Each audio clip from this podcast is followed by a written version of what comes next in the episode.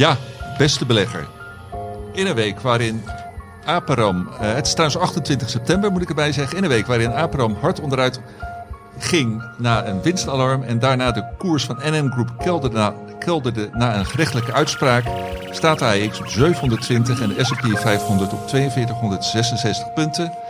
Tijd om te praten over beleggen. Dit is voorkennis. There are three ways to make a living in this business. Be first, be smarter or cheat.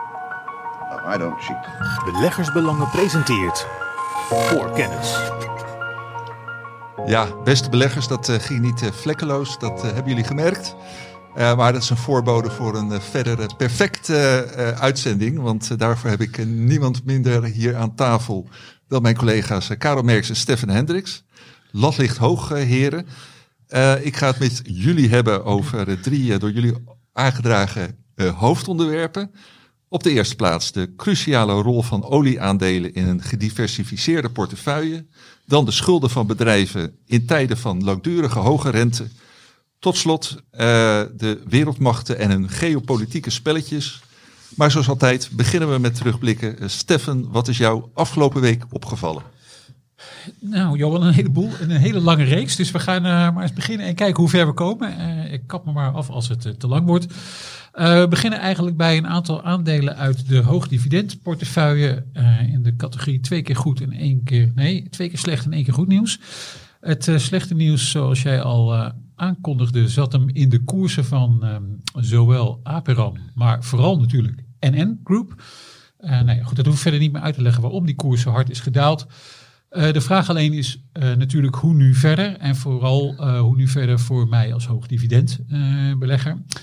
Nou, we hebben net voor de hoogdividendportefeuille al een interim dividend ontvangen van uh, eh, 1,12 euro van NN Group. Dat is binnen. Maar de vraag is, hoe gaat dat nu verder? Um, nou, er zijn een aantal dingen, denk ik. Um, het is toch heel erg onduidelijk. Ook voor NN en ook voor ons. Um, je ziet al voorzichtige schattingen van bepaalde banken en brokers. Om er maar eens eentje uit te nemen, die van UBS. En die zeiden, nou ja, het zou kunnen gaan om uh, 4 tot 700.000 uh, claims in eerste instantie. Of uitkeringen, of polissen die het betreft, hoe je het ook wil noemen. Ja, en dan kan je daar een bedrag op plakken. Van uiteenlopend hebben zij gedaan van uh, 500 euro tot aan um, ehm, 15.000 euro. En 15.000 euro is het bedrag dat volgens mij is genoemd uh, door de stichting, hè, de Woekerpolis Stichting. Dat is wel aardig aan de bovenkant van de bandbreedte. In dat geval hè, bij 700.000 um, polissen en 15.000 uitkeringen kom je volgens mij op 10,5 miljard aan totale uitkeringen. Nou, dat hakte natuurlijk wel stevig in. En dan zal ook het uh, vermoedelijk dividend van uh, NN Group niet meer houdbaar zijn. Maar goed, uh, zover zijn we nog niet. En ik heb ook voor wat betreft NN Group nog geen actie ondernomen in de hoogdividendportefeuille. En dat heeft een aantal redenen. de eerste is natuurlijk dat, dat juridisch gezien de zaak ook nog niet helemaal is um, uh, beklonken. Hè? En gaat in cassatie tegen deze uitspraak van hoger beroep. dat betekent dat we nog maar eens moeten gaan zien hoe dat uiteindelijk uitpakt. Dat kan nog wel een tijdje duren, zo'n zaak. Dat sleept zich meestal wat voor. Dus ehm, UBS maakt er schattingen van. Het zou zo nog maar eens anderhalf jaar kunnen duren. En wie weet komt het dan ook nog voor het Europees Hof van Justitie. Dus dan duurt het allemaal langer. Zelfs als NN um, wel veroordeeld wordt, en over moet gaan tot betalingen, dan is het natuurlijk nog steeds de vraag hoeveel dan per polis. En dan is het ook nog een keertje de vraag, uh, wanneer worden die bedragen dan precies uitgekeerd? Het is niet de eerste keer dat NN een, uh, een schikking heeft moeten treffen met betrekking tot deze polissen. Eerder al eentje, zeg ik uit mijn hoofd, van 665 miljoen. Uh, daar zou deze dan natuurlijk ruim, ruim bovenuit kunnen komen. Maar dat nam ook wel een tijdje in beslag. Dus voordat NN ja, echt iets kan zeggen, denk ik, over het uh, dividend. En, en, ja, en ik daar een betere inschattingen kan maken, zijn we ook wel weer een tijdje verder, denk ik. Ja, hoeveel is dan een tijdje? Weken, maanden, jaren? Nou ja, kijk, die, uh, het is natuurlijk dit was een, een, enorme klap, hè? Deze, deze hoge beroepszaak. Die cassatiezaak, op het moment daar, dat daar een uitspraak over is, dat wordt dan de volgende. Misschien een klap omhoog of een klap omlaag. En dan komen we natuurlijk nog aan de compensatie per polis. ja, dus die, die anderhalf jaar die UBS noemt, die lijkt me niet heel erg onrealistisch. Want dit soort zaken gaat niet heel erg snel, leert de ervaring. Dus dan is het toch maar de vraag wat je er verder mee moet. Ik ben wel bang dat in de tussentijd dit natuurlijk gewoon als een dondere wolk, uh, of een donkere wolk moet ik zeggen, boven dat aandeel blijft hangen. Uh, het is natuurlijk iets dat speelt. Je zag het ook bij ASR. Um, het tikt ook iedere keer nog wel een beetje door, uh, iedere dag. Dus um, we, we, zijn hier nog niet vanaf, maar het is echt veel te vroeg om, om iets te zeggen nu over het dividend. En NN heeft volgens mij uit mijn hoofd 1,9 miljard in kas. de solvabiliteits, de Solvency 2 ratio is 201% Dat is echt heel erg hoog. Maar dat, dat kun je eigenlijk allemaal vergeten op het moment dat die claims echt in de orde van 15.000 euro per polis gaan uitvallen. Dan, dan gaan al die cijfers denk ik een beetje de prullenbak in. Maar tot die tijd is het ja, nog wel heel erg lastig om er iets over te zeggen. Um, en om daar snel actie op te ondernemen. Oké, okay, helder. Nummer twee. Aperam. God, dit wordt een hele lange intro, dus je moet me echt afkappen. Uh, nummer twee is... Uh, ik vind het reuze interessant, Stef. Van mij mag je een half uurtje vol praten. Oh, Oké, okay, nou, hier gaat hij dan. nummer twee was Aperam. Een winstwaarschuwing, dus een, een EBITDA, en, zal maar zeggen, een aangepast bedrijfsresultaat van 15 tot, tot 20 miljoen, geloof ik, in het lopende kwartaal. Dit derde kwartaal, dat viel heel erg tegen. Dat was veel minder dan verwacht. In combinatie met het feit dat Aperam bij de publicatie van de tweede kwartaalcijfers al had aangegeven dat er in het derde kwartaal een wat hogere netto schuldpositie zou zijn, betekent dat Aperam uh, ongetwijfeld uh, dit kwartaal door de netto schuld gedeeld door EBITDA ratio van 1 heen gaat schieten. En misschien nou, ja, wat doet dat ertoe? Uh, nou, dat is nogal van belang voor hun dividendbeleid, zoals collega Jeroen Boogaard ook heeft geschreven. Um, in tweede kwartaal lag die ratio, zijn schuldratio, hè, um, op 0,8. Uh, die gaat natuurlijk nu ruim door de 1 heen, uh, eind derde kwartaal. Voor dividendbeleid heeft Abraham gezegd, nou ja, door de cyclus heen moet die netto schuld EBITDA ratio uh, onder de 1 blijven. Als dat niet het geval is, dan moeten wij nog eens even onze dividendbeleid gaan herevalueren. Um, ja, laat ik het zo zeggen. Kijk, als, als, als dat door de cyclus heen geldt, dan is dat dividendbeleid denk ik wel veilig. Want het derde kwartaal wordt wel een, een echt dieptepunt. Uh, er wordt ook nog wat werkkapitaal als het goed is vrijgespeeld. Dus dat zou dan houdbaar moeten zijn. Dus als uh, Aperam die definitie volhoudt, dan zou dat dividend nog veilig moeten zijn. Ja, is dat niet, niet het geval, dan um, zullen we daar nog eens even serieus naar moeten kijken. Ja, en jij gaat dat dus als eh, beheerder van de hoogdividendportefeuille doen. En uh, overigens uh, daar volgende week, nou niet een voorschot op nemen, maar wel een uitgebreide update maken van die hoogdividendportefeuille in ons magazine. Zeker, dan komen deze twee terug. Dus dit waren twee onaangename mededelingen. Gelukkig was er dan ook nog wat goed nieuws in de vorm van de beleggersdag van Total Energie. Karel komt daar misschien straks bij zijn hoofdonderwerp ook nog wel terug. En wie weet ook nog eens heel uitgebreid. Maar in het kort komt het er eigenlijk op neer dat um, Total Energie keerde al een hoop uit aan de aandeelhouders. De doelstelling was altijd 35 tot 40 procent van de cashflow from operations. Dat wordt nu meer dan 40 procent is de nieuwe doelstelling vanaf 2024. En dit jaar waarschijnlijk al 43. Ja, drie, drie, ze nog even tussen de regels door. Ja, 344 heeft ook te maken met uh, de verkoopopbrengst van een uh, Canadese activiteit. Die krijg je dan ook uitgekeerd aan te houden. Dus dat was uh, dan, uh, zullen we maar zeggen, een uh, kleine uh, pleister op mijn wonden. Oké, okay, en op de manier waarop jij dit zegt, leid ik bijna af dat jij jouw terugblik wilt afronden.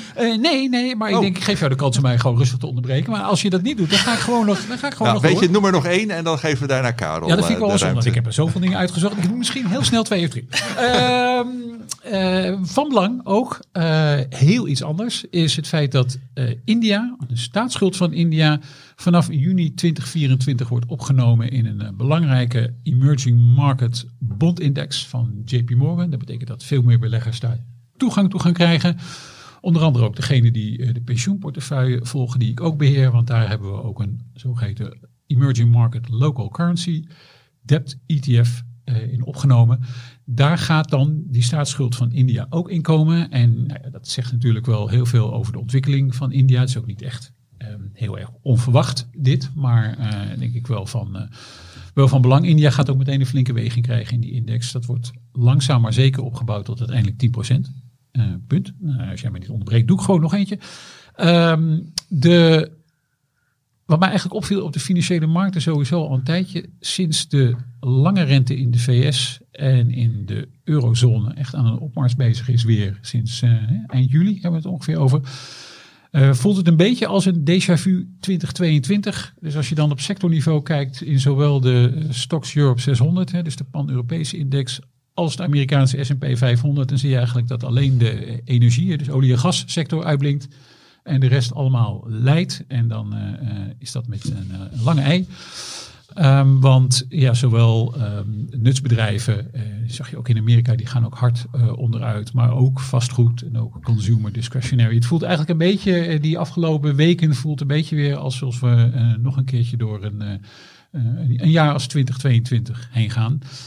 Ik hoop het, want het zou wel betekenen dat de laatste drie maanden van het jaar heel erg mooi zijn. Want de bodem lag in oktober en daarna ging het omhoog. Ja, dat zou inderdaad heel fijn zijn. Uh, Garanties even tot aan de deur, denk ik hier. En dan het laatste, Johan, als ik dan toch nog wat mag zeggen, is dat we een. Um, ik, meestal ben ik er niet zo van, van dit soort eikpuntjes. Maar um, we hebben de laagste uh, cash bond price ooit bereikt in uh, de Bloomberg Euro Aggregate Sovereign Bond Index. En dat is een index van alle uh, staatsleningen uit de eurozone. En de koers van die leningen is gezakt naar, een, naar zeg maar ruim 88. Uh, dat was nog nooit zo laag. Ja, zoals je weet, bij obligaties bewegen natuurlijk koers en effectief rendement tegengesteld. Dus het effectief rendement is hard opgelopen. Daardoor is de koers hard um, teruggelopen. Uh, dat effect zie je uiteraard terug bij staatsleningen, maar daarna ook bij uh, leningen van bedrijven. En op uh, X, zoals we tegenwoordig moeten zeggen, kwam ik wel een interessante discussie tegen van iemand die een grafiekje liet zien van een 40-jarige lening van Coca-Cola, uitgegeven in 2020. En die zei, kijk eens even hier, die lening die staat nu rond de 60. Oeh, dat gaat allemaal, wordt allemaal heel erg spannend met dat Coca-Cola. Um, ja, dat is natuurlijk enerzijds een uh, totale onzinredenering en anderzijds uh, is het misschien toch nog ergens wel weer een beetje van belang. Uh, het is onzin omdat dit een, een, lening is met een hele lange looptijd en als de rente stijgt, we weten allemaal die leningen zijn extreem rentegevoelig, dus daar gaan de koersen heel erg van omlaag.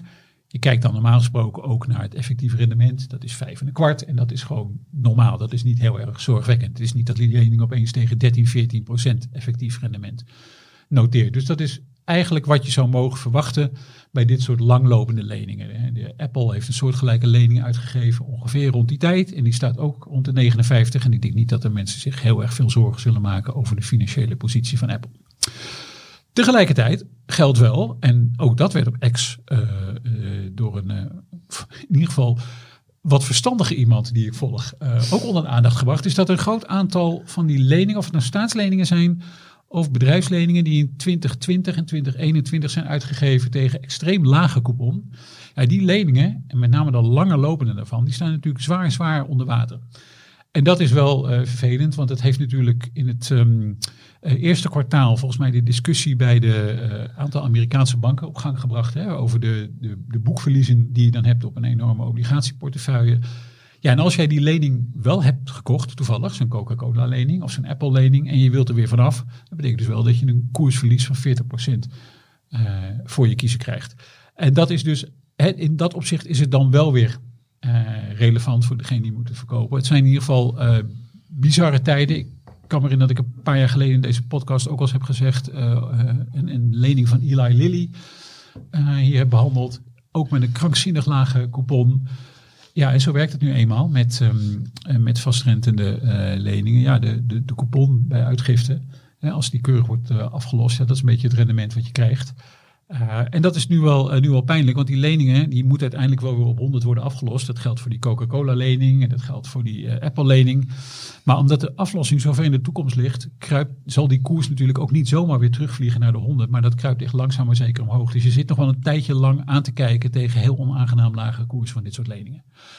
Punt. En dat was hem dan. Ja, en dan heb ik daar uitgerekend toch nog wel een, uh, een vraag uh, over. Ja, hier kan ik er ook niks meer aan doen, Johan. Ik heb mijn best nee, gedaan. Nee, zeker, je hebt je best gedaan, absoluut. Nee, maar uh, van er zijn natuurlijk dan, jij noemde het voorbeeld in het eerste kwartaal van de Amerikaanse banken die dan in de problemen kwamen. is zoiets ja, opnieuw mogelijk met, met banken, andere instellingen die van deze leningen af moeten? En is dit ook iets wat particulieren kan raken, vraag ik me dan af. Ehm, nou ja, kijk, als je als. eh, ehm, kijk, ik vermoed dat niet heel veel particulieren dit soort individuele leningen hebben. Hè? Dus deze problematiek kom je dan eigenlijk vooral tegen wanneer je in bijvoorbeeld een ETF of in een obligatiefonds belegt. En daar zitten dan, als het goed is, leningen van eh, heel uiteenlopende looptijd in, waardoor dit soort effecten wel eh, wat er niet gedaan worden. Want ja, wil je je, je je hele rendement weer realiseren, hè? dus wil die koersen helemaal oplopen tot aan 100, ja, dan zul je nou, misschien niet helemaal moeten wachten tot 2060 in het geval van Coca-Cola en Apple eh, leningen die ik heb behandeld. Maar het- gaat dan wel, dat, dat loopt allemaal langzaam maar zeker op.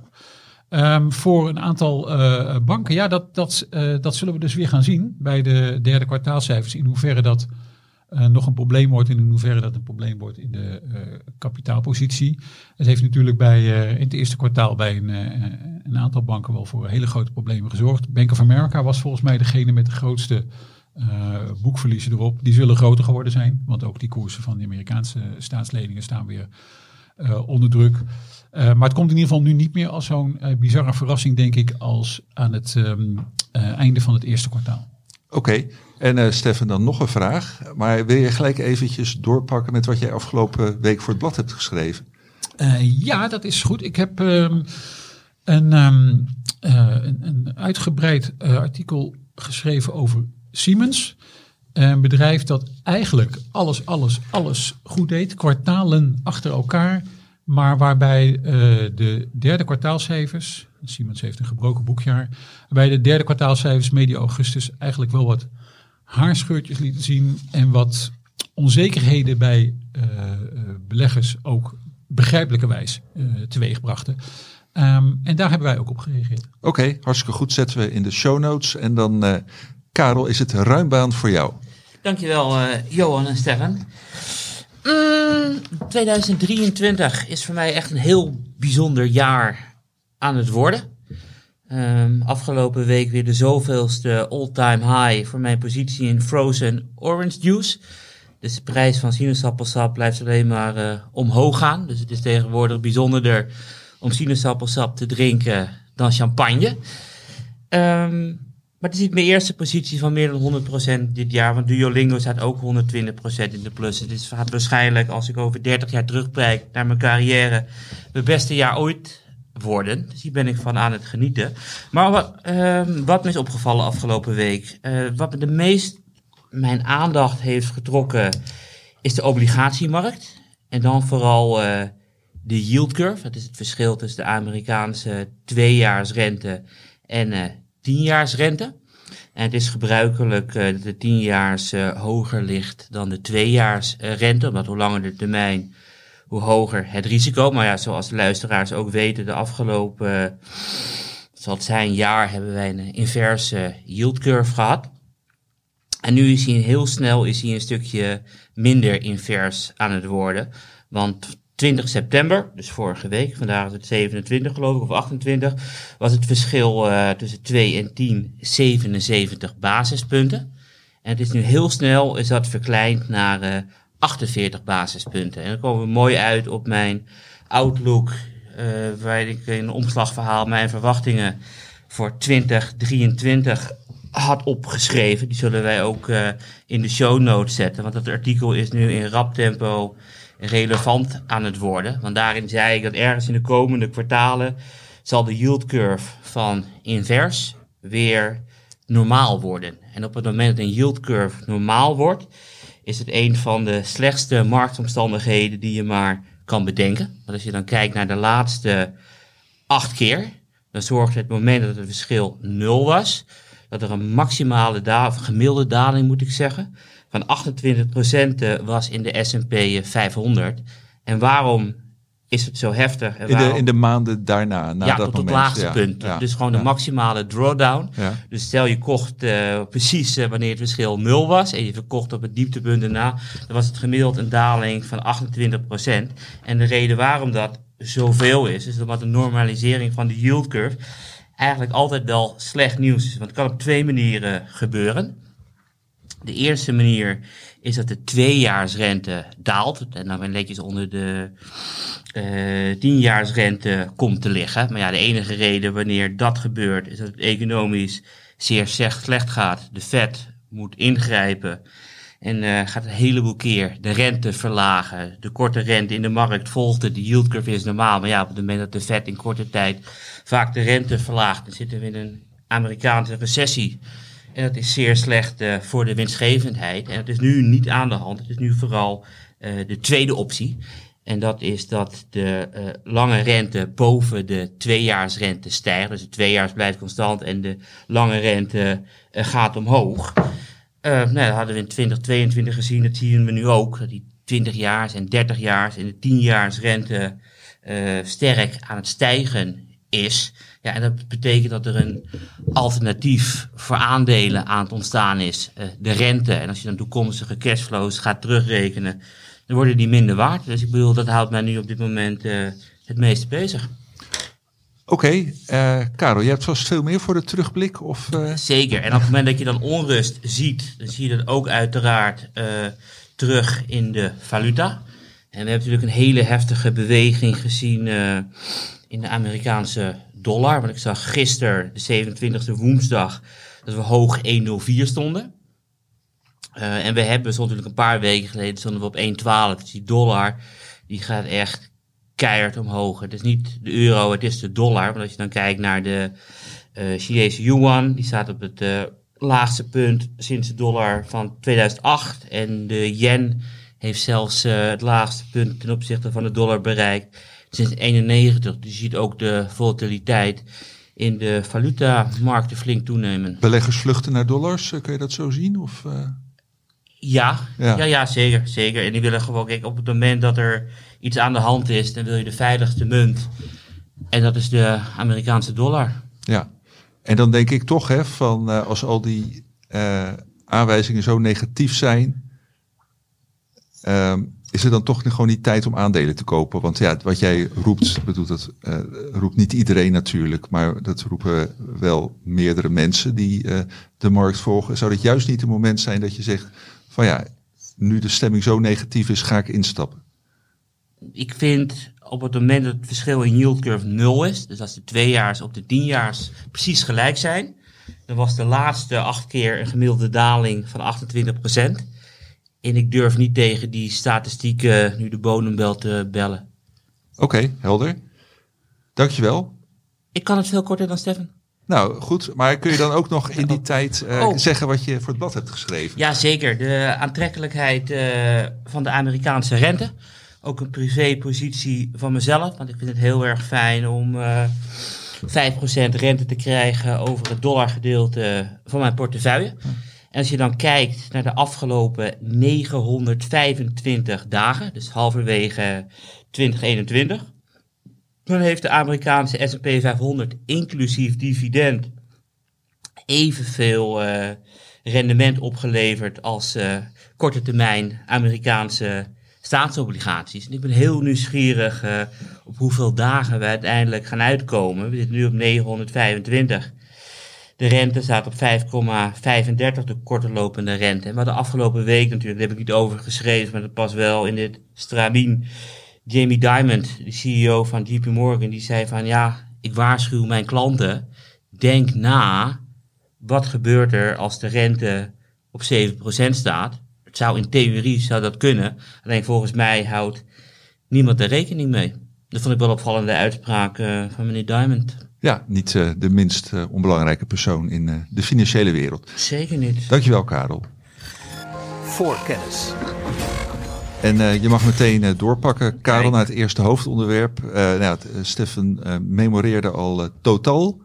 Jij eh, wilde het hebben als olieaandelen eh, die cruciaal zijn eigenlijk in iedere portefeuille. Zoals eh, we vroeger zeiden dat Shell de hoeksteen was van de portefeuille.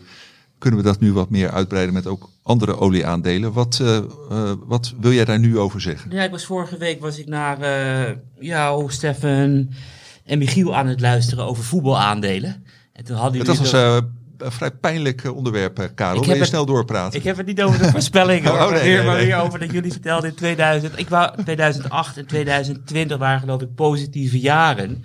Maar de rest was niet echt om over naar huis te schrijven. Dus volgens mij was de conclusie, corrigeer me als ik ernaast zit, Stefan, eh, neem geen voetbalaandelen op eh, als basispositie in de beleggingsportefeuille. Nee, er zijn misschien andere mogelijkheden om een spreiding aan te brengen in de portefeuille dan eh, met voetbalaandelen. Maar dat ga jij volgens mij niet mee te Nee, klopt. Want ik bedoel, als je naar de afgelopen vijf jaar heb ik naar gekeken. En mij valt het op dat olieaandelen het goed doen. Of juist heel slecht doen. En met goed doen bedoel ik niet mooie rendementen, maar gewoon de best presterende sector helemaal op, bovenaan op nummer 1. Of eh, de slechtst presterende sector echt helemaal onderaan. Dus het is een eh, sector die compleet anders beweegt eh, dan de rest van de markt. Een voorbeeldje, de afgelopen drie maanden steeg XLE, dat is de energie-ETF in de Verenigde Staten, met 14%. En de afgelopen drie maanden, slotkoersen dinsdag, heeft de S&P 500 2,4% ingeleverd. In die drie maanden daarvoor verloren olieaandelen een procent en boekte een S&P 500 een winst uh, van ruim 10%. En de vraag is van, is dat nou toeval of is dat geen toeval? Ik denk dat het uh, geen toeval is, want wat hebben wij de afgelopen twee jaar, misschien drie jaar uh, gezien? Ik denk dat grondstoffen de belangrijkste drijfveer zijn uh, van inflatie. Dus op het moment dat je grondstoffen ziet stijgen, dan gaat de inflatie uh, erachteraan. Gaat de inflatie omhoog, dan zie je uh, dat de vet de rente verhoogt. Ja, renteverhogingen is slecht voor de financiële markten. Maar op het moment dat grondstoffen de oorzaak zijn van die inflatie, is het juist wel hartstikke goed voor oliebedrijven. Dus wat hebben we in oktober vorig jaar gezien? De inflatie uh, piekte, die ging daarna weer naar beneden toe. Uh, slecht voor olieaandelen, goed voor de S&P 500. En wat hebben we de afgelopen weken gezien? De inflatie is weer wat aan het toenemen. De oorzaak is de olieprijs. Dus in de Verenigde Staten WTI van 67 naar ruim 90 gegaan. En nu neemt de inflatie weer toe. Hele markt doet het slecht. En olieaandelen doen het weer hartstikke goed. Dus ik denk dat het gewoon veel beter is dan voetbalaandelen om in de beleggingsportefeuille op te nemen. Ja. Als uh, disclaimer, uh, belegger in olie moet ik er wel niks bij zeggen. Oké, okay, uh, helder. En ja, wat, wat ik me in het verleden wel kan herinneren, wat verder verleden, dat er ook wel ja, samenhang was tussen een stijgende olieprijs, economie die heel goed gaat, veel vraag, et cetera. Uh, dus een economie die op volle toeren draait, dat daardoor ook andere aandelen het uh, uh, goed deden. Dat, er ook, ja, dat de, de olieprijs ook wel meebewoog met de brede aandelenindexen. Of misschien juist andersom, dat de aandelenindexen meebewogen met de olieprijs. Maar dat was dan in de tijd dat inflatie nog niet zo'n rol speelde, nou ja, volgens mij. Volgens mij heeft het ook bij de hele extreme kantelpunten te maken. Dus wat is een heel extreem kantelpunt? Dat was maart 2020 met COVID. We gooien de hele wereldeconomie in een lockdown. Olie down, aandelen down. En daarna starten we alles weer op. Dus olie op, aandelen op. En dat heb ik ook in 2008 gezien. Met, met de financiële crisis. Waar meteen uh, gestopt werd met investeren. En alles naar beneden. En in 2009 hadden we er weer zin in. Alles omhoog. Dus ik denk wel dat jij zegt die correlatie is wel heel erg hoog bij extreme kantelpunten. Hm. Maar daartussendoor valt het denk ik wel mee. Ik weet niet wat jouw mening is, Stefan. Nou, ik, ik denk dat. Ja, jij noemde de afgelopen jaren, wat ik ook niet moet vergeten, is dat. Um, misschien kom je daar straks nog over te spreken bij jouw tweede hoofdonderwerp. Maar ik heb grondstoffen, uh, fossiele brandstoffen, zijn ook een politiek wapen geworden. En zijn natuurlijk ook gewoon speelbal geworden van oorlog in Oekraïne. En, nou, aardgasprijzen mag duidelijk zijn. Maar dat zie je dus ook terug in, um, in winsten van die olie- en gasbedrijven. Hè? Dat zijn natuurlijk is olie en gas. En daar zie je dat heel erg, heel erg in terug.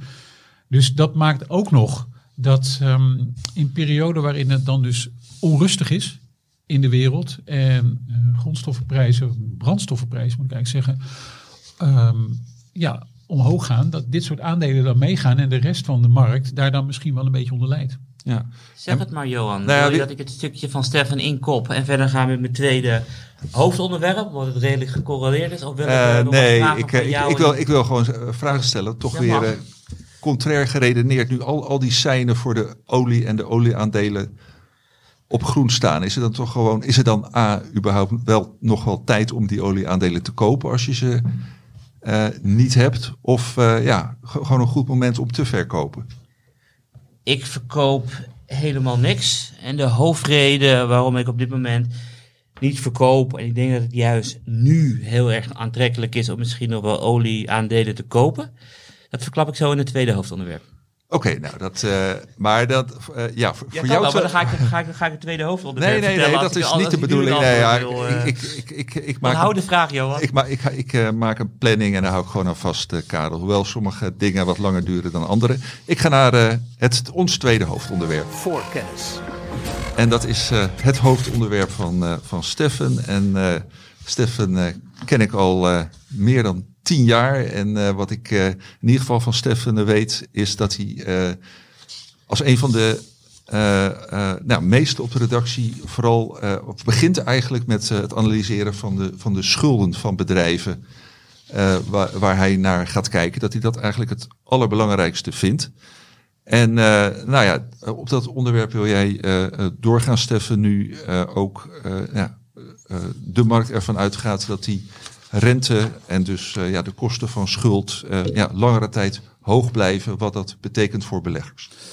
Jazeker, want dat is nogal een eh, belangrijk thema. En er kwam um, recent een rapport uit van eh eh, beleggingsstrategen van Deutsche Bank, die ook wezen op eigenlijk de, de- een beetje de vertraagde invloed van dat eh, striktere monetair beleid op de hele economie. En daarmee dus ook op de financiële positie van eh, bedrijven. Want dit is eigenlijk, eh, soms dan realiseer je het misschien niet eens meer, maar het is wel heel erg hard gegaan. Dus in twaalf maanden is de beleidsrente van de ECB gewoon met eh, 325 basispunten, dus 3,25 procentpunt gestegen. Nou, dat is echt extreem. Eh, volgens mij 2,25 procentpunt over diezelfde periode in de VS. Dat is gewoon echt heel erg fors. En daardoor zijn ook de financieringslasten van eh, bedrijven al opgelopen. En eh, nou, HSBC heeft, eh, de bank HSBC heeft daar een, een uitgebreid rapport over geschreven. Ehm, gericht op Europese bedrijven. En daarin gesteld, ja, een heleboel van de Europese bedrijven hebben ook bankkredieten natuurlijk als, ehm, als schuld.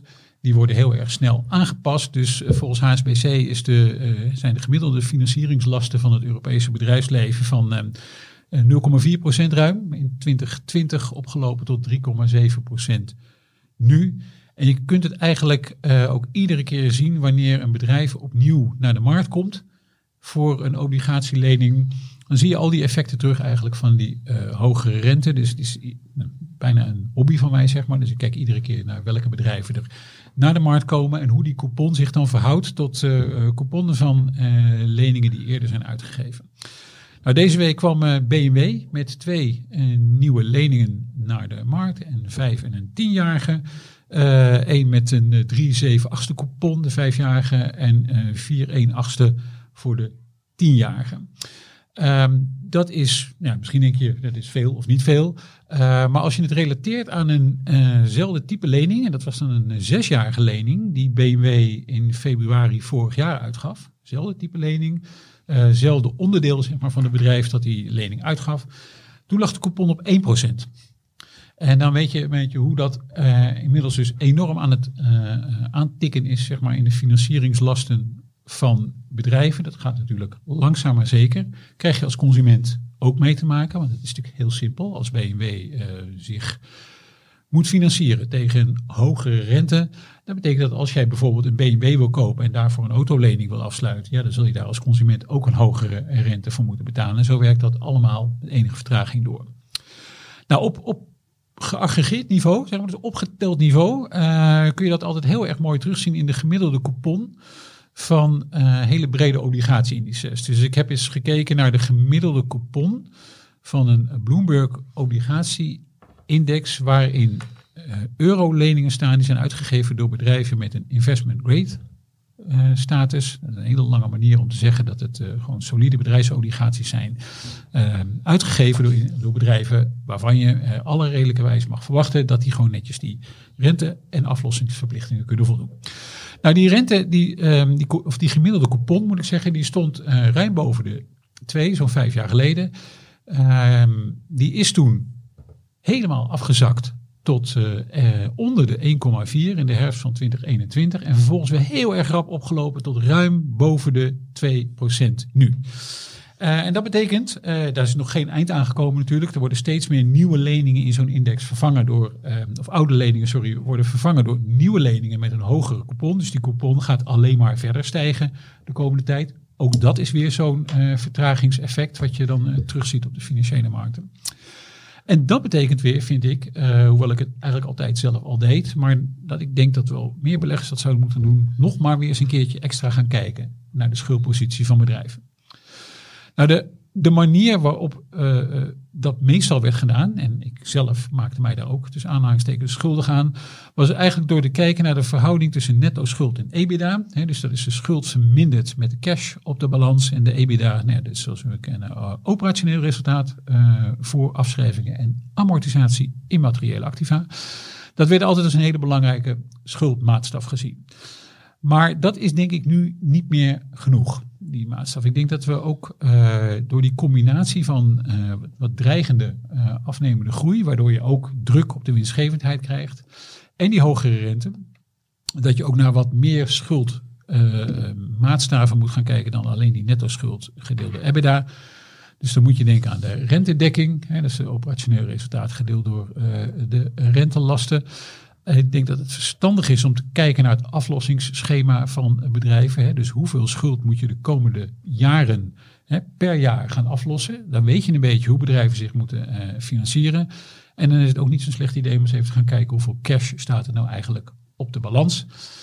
En mij valt op dat er een. Uh, ik krijg echt een flink aantal rapporten nu binnen van uh, banken en brokers. die uh, zich heel erg met dit thema bezighouden. Dus heel veel aandelenstrategen die zeggen. Nou, je moet er toch eens even naar gaan kijken.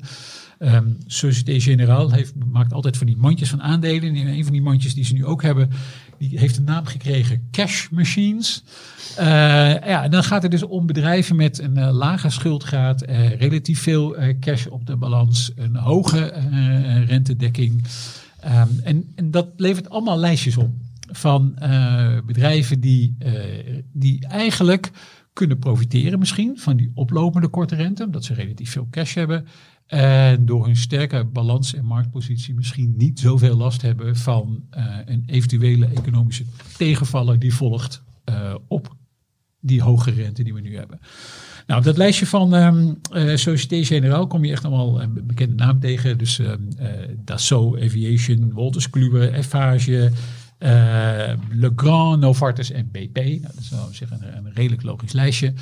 Uh, HSBC die ging nog één stap verder. Die zei, nou, laten we nou gewoon eens kijken naar een aantal Europese bedrijven die net cash positief zijn. Met andere woorden, waarbij er meer cash op de balans staat dan uh, schuld. En dat levert ook een interessant rijtje op. Daar zat ongeveer, uh, daar zat ASML onder meer in. Beiersdorf, Airbus, RWE, dat soort bedrijven. Toen dacht ik, nou, laat ik zelf ook gewoon eens een, een, een, een screen maken, zoals dat heet, op onze Bloomberg terminal, met gewoon eens een aantal criteria in te vullen. Uh, um, om te kijken wat voor bedrijven komen er nou eigenlijk op. Hè? Als je bijvoorbeeld zegt van nou, de, uh, ik wil eigenlijk dat er um, minimaal 10% van de balans cash is van bedrijven. Je zegt nou, er moet de, de, de verhouding tussen free cashflow en netto winst moet meer dan één zijn. En, en waarom zeg ik dat? Omdat dan een bedrijf hè, ook echt daadwerkelijk die cash binnenkrijgt uh, om schulden eventueel af te lossen of andere uh, zaken te financieren. En een, um, een, een netto schuld gedeelde EBITDA, dus die schuldratio van minder dan um, 1,5. Gewoon eens even een lijstje gemaakt en wat komt daar dan uitrollen.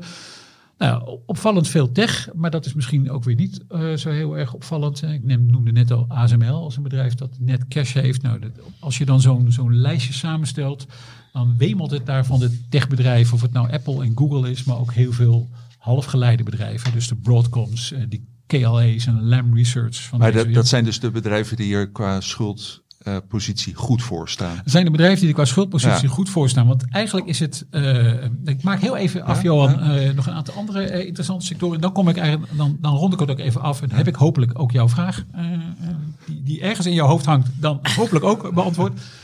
Ehm, dus eh, tech komt heel veel terug. Eh, olie of olie gerelateerd zien we natuurlijk heel veel terug. Dus Shell, BP, eh, Total, Exxon, maar dat soort bedrijven. Heel veel healthcare, dus zowel pharma, maar ook opvallend genoeg een aantal medische technologie. Dus Danaher en Kiagen staan daar onder meer ehm, tussen. Tecan uit de dividendportefeuille.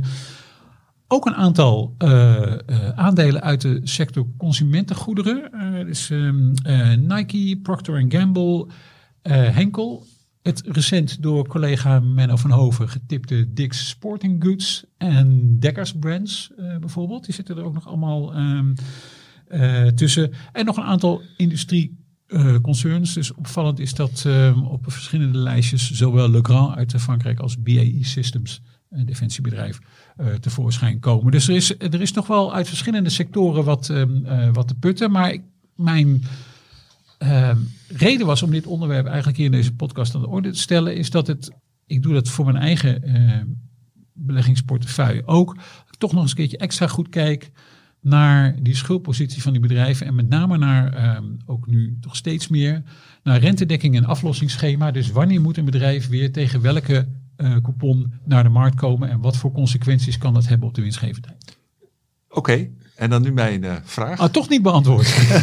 nou, uh, van wat je natuurlijk afgelopen anderhalf jaar bijna dagelijks hoorde, is dat als inflatie omhoog gaat, rente omhoog gaat, dat dat slecht is voor techbedrijven.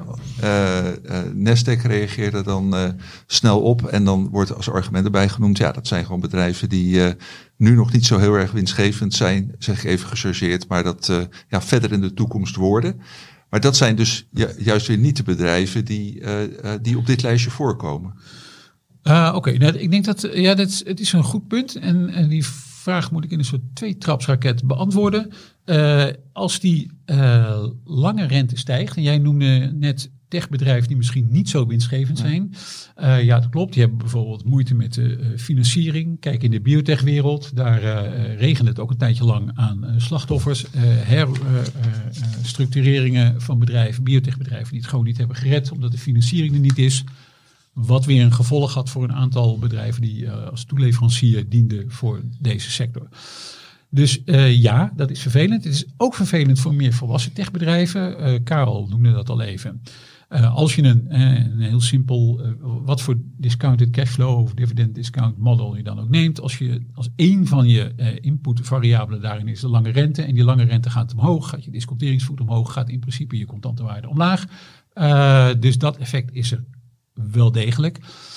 Dan is het wel een beetje de vraag, um, hoe hoog zijn die bedrijven gewaardeerd? De, de bedrijven die ik allemaal noemde, uh, dus of het nou uh, KLA is, of Lam Research, of, uh, of, of, of Google, of Applied Materials, of Agilent, of Danaher. dat zijn wel allemaal bedrijven met een hele sterke marktpositie, waarvan de koers misschien op korte termijn ook nog wel wat kan uh, leiden onder die hogere rente.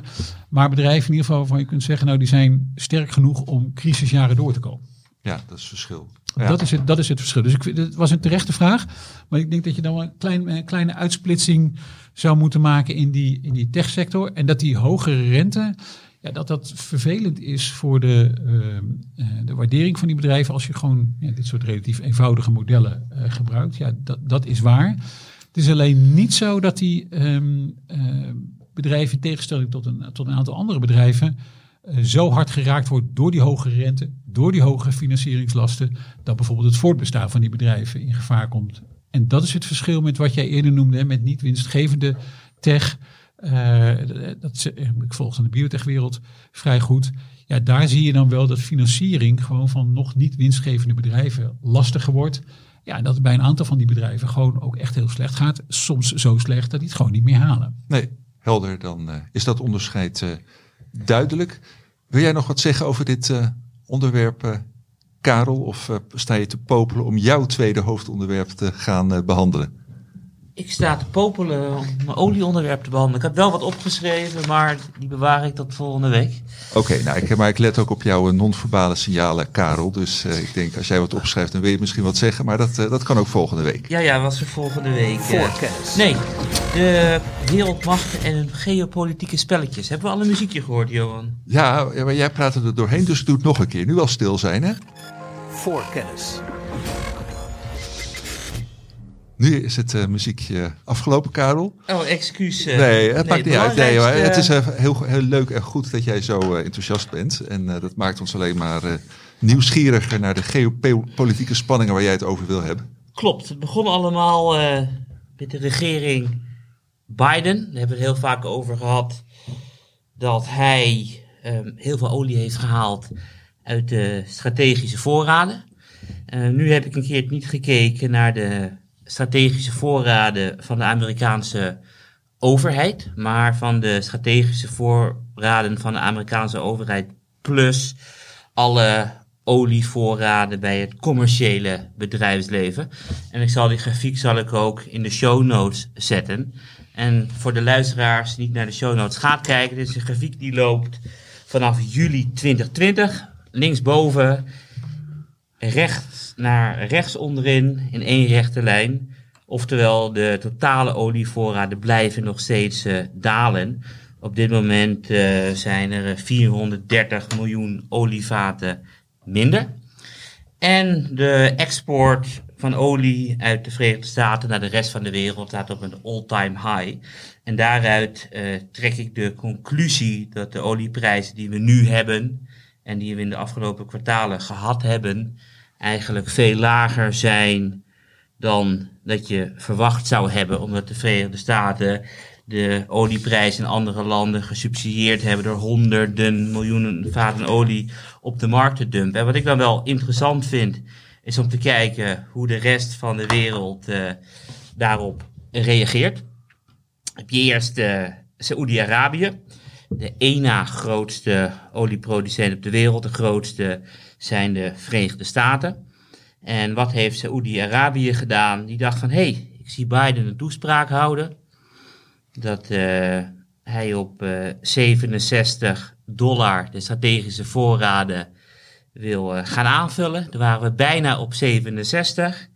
En toen zei hij, we gaan eh, een productiekat doen. Dus we gaan minder olie naar boven halen. En toen vloog de olieprijs eh, weer omhoog. Biden vond het echt eh, niet leuk.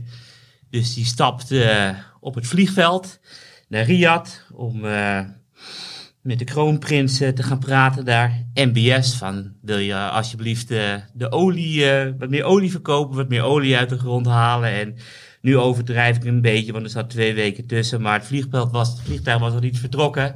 En er kwam een nieuwe olieproductiekat uit uit eh Saoedi-Arabië. Die prijs vloog weer omhoog. Dus die 67 hebben we nooit gehaald. En onlangs hadden we weer een eh, productiebeperking uit Saoedi-Arabië. En nu is die 67 lijkt echt, eh, echt heel ver weg. Dat vond ik heel erg opvallend. Maar we niet moeten vergeten, dit wijst onder andere naar de geopolitieke spanningen waar Stefan het over had. Wat ik daarnaast fascinerend vind. De grootste olieimporteur ter wereld is China. Die is dan eh, eind vorig jaar zijn ze gestopt met hun eh, zero-covid-beleid. En toen werd de economie weer opgestart. En iedereen eh, zal hebben meegekregen dat eh, de Chinese economie iets minder hard uit de startblokken schoot dan die van de Verenigde Staten en van Europa. Ze zijn eigenlijk gewoon aan het kwakkelen daar. Maar wat heeft de Chinese overheid ondertussen gedaan? Die zijn echt in een rap tempo zijn ze olie aan het importeren. Dus hun hebben wereldwijd de grootste strategische voorraden die er bestaan. En ze zijn alleen maar die voorraden aan het uitbouwen. En de vraag is, eh, waarom bouwen ze die olievoorraden zo ver uit, terwijl ze dat niet eens nodig hebben?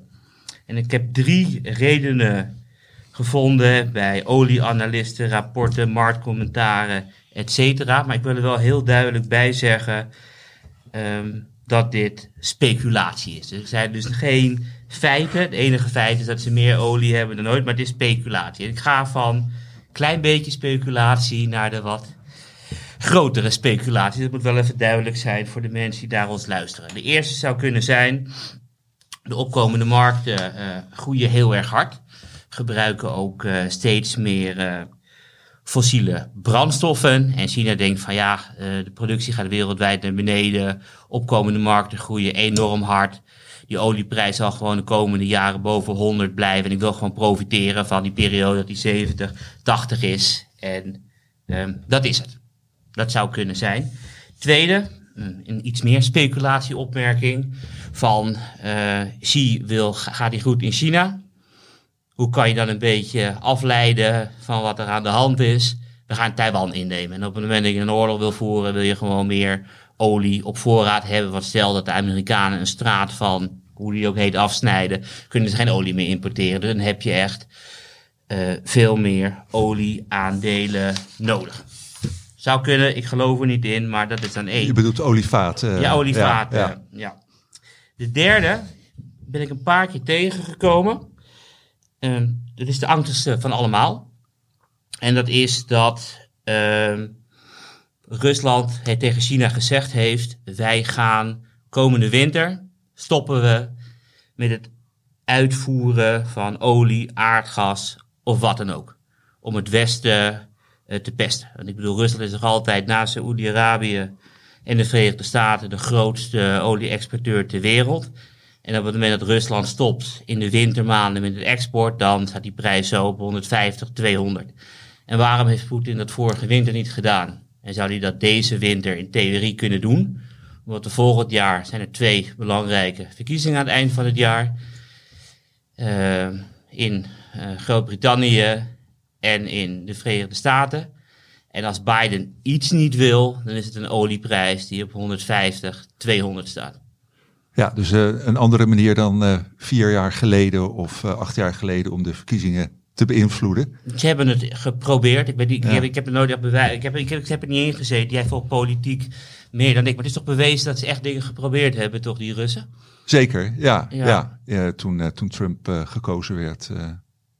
Klopt. Ja, en- en en Saoedi-Arabië zit dan ook in het complot. Want die heeft natuurlijk al een paar keer gezegd tegen Amerika: we gaan Ja. geen eh, meer olie exporteren, we gaan juist Ja. minder exporteren. Wat ik dan heel erg schokkend vind, is ze hebben de Verenigde Staten ook niet meer nodig.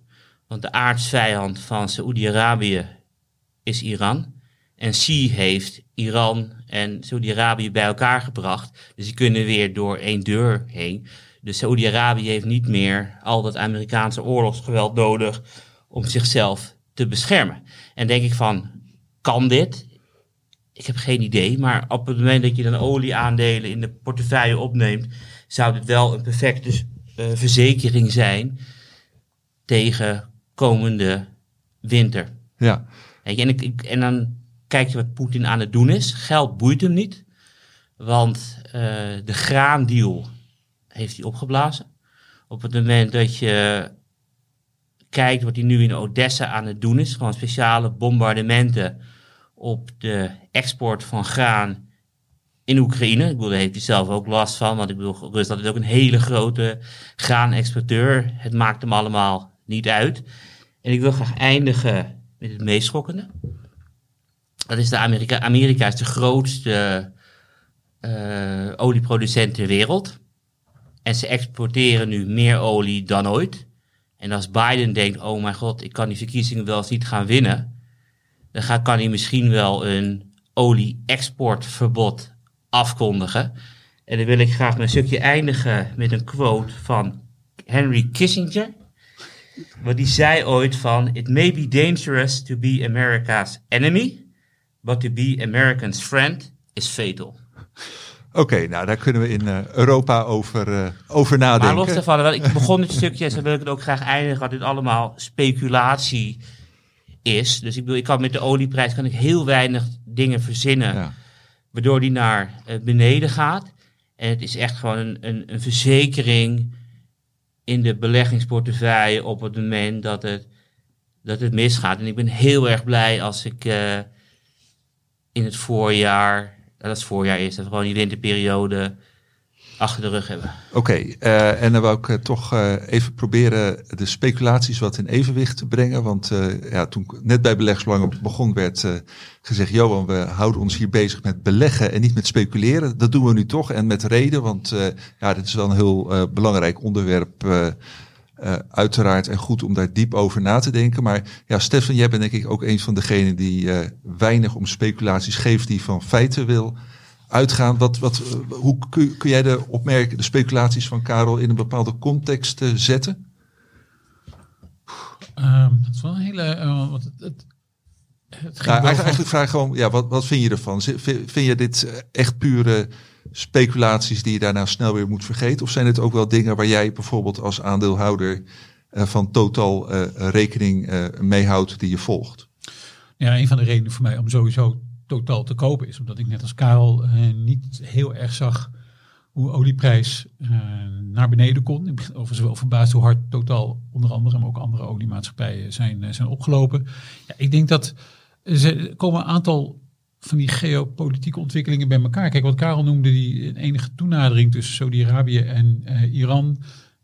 uitbreiding van die eh, BRICS-landen eventueel. Dus er is wel van alles en nog wat gaande op geopolitiek gebied waar je eh, als belegger en, en waar wij in het Westen ook gewoon serieus last van kunnen hebben. Dus een aantal van die eh, speculaties zijn denk ik niet zo gek. We hebben wel eerder genoemd, die, grondstoffenprijzen. Het is gewoon ook een, eh, een, eh, geopolitiek wapen. Dat is, dat is ook al bekend, denk ik.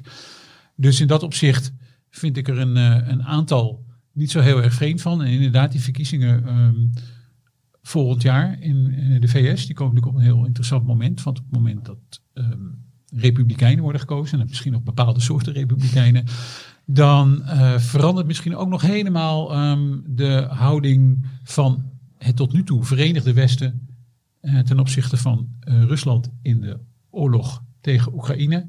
En het zou wel heel erg onaangenaam zijn als Amerika de ene kant op ging en dan Europa de andere kant op. Dan hebben we echt wel een heel serieus probleem, denk ik. Oké, Voor kennis. en eh, dan gaan we toch eh vooruitblikken naar deze eh, toch wel, eh, wel angstige speculaties. Karel, eh, waar kijk jij eh, de komende week, zeker weken, naar uit? Volgende week is weer de jaarlijkse conferentie van Duolingo. Genaamd Duocon. Je kijkt naar uit. Hartstikke, hartstikke leuk. De meeste mensen kijken naar Apple. Wat voor nieuwe devices. Of Tesla. Wat voor nieuwe auto's. Er worden geïntroduceerd. geïntroduceerd ik ben heel nieuwsgierig eh, welke nieuwe functies Duolingo gaat aankondigen. Ze hebben al een fantastische trailer online gezet. Dat er de grootste nieuwe uitbreiding features eh, ooit aankomen. Dus als aandeelhouder en vervent Duolingo fan ben ik die dag eh, Ja, beschikbaar we, we moeten maar niet aan de luisteraar vertellen hoeveel tijd eh, per dag jij op Duolingo zit. Hè? Want dan denken ze van, eh, nou, daar heeft hij misschien niet genoeg tijd over om over al die beleggingen na te denken. Maar Dat vertellen we maar niet. Dat vertellen we maar maar daardoor niet. ben ik wel eh, heel goed, eh, kom ik beslagen ijs om Duolingo te ja, analyseren. nou, dat was in ieder geval een, een gouden tip. Dat kunnen we gewoon bewijzen door te wijzen op jouw tip die online kwam eh, in, eh, wat was het? Eh, november, kopen ja. voor 80, we staan nu 160. Dus van eh, een en van we hebben jouw, natuurlijk ook een hele mooie valuta winst te pakken. Ja, oké. Wij kijken er ook naar uit. Eh, Karel, Stefan, waar kijk jij eh, naar uit de komende tijd? Nou, niet naar iets specifieks, behalve dan de ontwikkeling van de eh, lange rente. Want dat ging de afgelopen week, anderhalve week wel heel erg hard. En het zou wel fijn zijn als er enige rust ontstaat op dat rentefront. Maar volgens mij krijgen we ook, als ik me niet vergis, banencijfers. Volgende Mogelijk. Week, volgende week Mogelijk. vrijdag, hè, denk ik. Ja, Want op het ja moment nee, dat is een eh, heel eh, belangrijk punt. Ja, nee, Als we de shutdown hebben, krijgen we geen banencijfers, Ja, Steffen. als er een, eh, ja, precies. Als inderdaad eh, ehm, eh, eh, die, die, die gevreesde shutdown ontstaat in de Verenigde Staten, waar- waarbij de, ja, de overheid gewoon letterlijk geen geld meer heeft en dan al een aantal diensten dichtgaan, dan, ehm, dan niet misschien. Eh, want dan zal ook de Bureau of Labor Statistics Klopt. Ik heb- ik vermoedelijk heb- niet ik aan het werk zijn. Een een lezer stelde een vraag van wat het verschil was tussen een shutdown die we nu hebben en de debt ceiling die we een paar maanden geleden hadden. Want toen was toch afgesproken dat we tot 2025 de schulden mochten verhogen. Dus Ben je geen abonnee, ben je geïnteresseerd naar het antwoord, sluit af en kijk naar al die mooie vragen op ons sporen, wou ik zeggen. Maar dat is in ieder geval... eh, Ja, het heeft wel flinke gevolgen. Ook voor eh, bijvoorbeeld eh, contracten bij defensieaandelen. Zou ook heel erg visum aanvragen kan ja, niet meer. onaangenaam zijn. Wel begrepen is de aanleg dat de FDA wel door zou blijven werken. Dus dat is wel belangrijk voor het eh, zeg maar, doorlopende goedkeuringsproces van geneesmiddelen. Eh, maar dat wordt wel eh, spannend en ook ja. je zou bijna zeggen, in, alle onzekerheid en kan dat er dan ook nog wel bij. Ja, nou, gelukkig hebben we Duolingo om ons vrolijk over te maken, hoe dan, hoe dan ook. Karel, Stefan, hartstikke bedankt voor deze, dit interessante beleggingsuur eh, weer. Luisteraars, kijkers, jullie bedankt voor het luisteren en kijken. Ik heb slecht en goed nieuws. Het slechte nieuws is dat we er volgende week een weekje niet zijn. Het goede nieuws is dat ik hier eh, op eh, 12 oktober weer zit. eh, dan eh, opnieuw met Karel en ook met eh, onze geliefde collega Menno van Hoven. Eh, heeft u vragen voor een van beide heren? Stel ze op voorkennis.beleggersbelangen.nl. Eh bedankt voor het luisteren en het kijken en tot de volgende keer.